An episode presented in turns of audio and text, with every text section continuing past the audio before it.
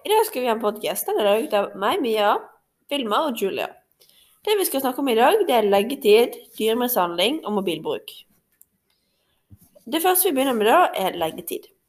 Jeg synes at de som går på SFO som første fjerde, burde legge seg senest halv ti. Og de som går i femte og sjette, synes jeg eh, foreldrene burde få velge selv. Eh, og når det går i syvende, åttende, niende og tiende, så synes de personene selv burde få lov til å velge når de vil legge seg. For da klarer de å ta mer ansvar og eh, ja, bli mer modne. Så Vilma, hva synes du? Jeg synes at første til sjette, da eh, må foreldrene bestemme. Og så syvende og opp, så synes jeg egentlig at man skal få lov å bestemme selv, men det kan liksom ikke bli for seint. Det må være sånn elleve, sånn halv tolv-ish.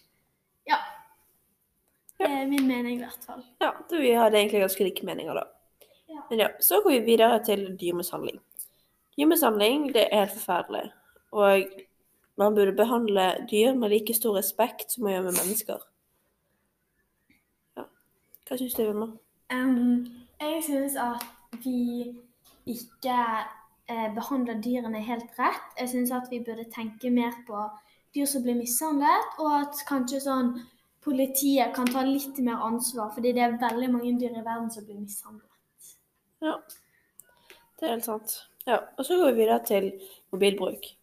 Jeg synes hver enkelt person burde få lov til å velge selv hvor mye mobilbruk de vil ha, så lenge de ikke blir avhengig, og de går ut og liksom lufter hodet sitt, og går på skole, og liksom ikke kun bare sitter i sin egen boble, liksom. Hva synes du, Vilma? Jeg synes at man egentlig skal få lov å være med på mobil så mye man vil, bare at man liksom ikke er på den hele tiden. Og...